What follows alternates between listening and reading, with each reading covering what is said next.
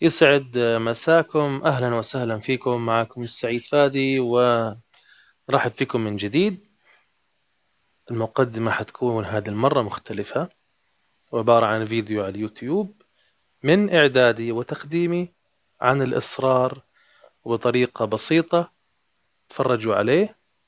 وبعد كده نرجع مع بعض نتكلم عن قانون الإصرار بشكل أعمق. من أهم قوانين تبسيط الداخل. الإصرار هنا نظرته مختلفة شوي عن المطروح في الساحة. مش بالضرورة يكون تحفيزي وإنه أنت تقدر لكن في أشياء في خلف بواطن الأحداث والأمور والأشياء بتقول لك إنه الإصرار هذا الشيء جميل وشيء عظيم. لا يدعو إلى أن تعاني لا يدعو أنك أنت تقدم على ما تريد وأنت مكره.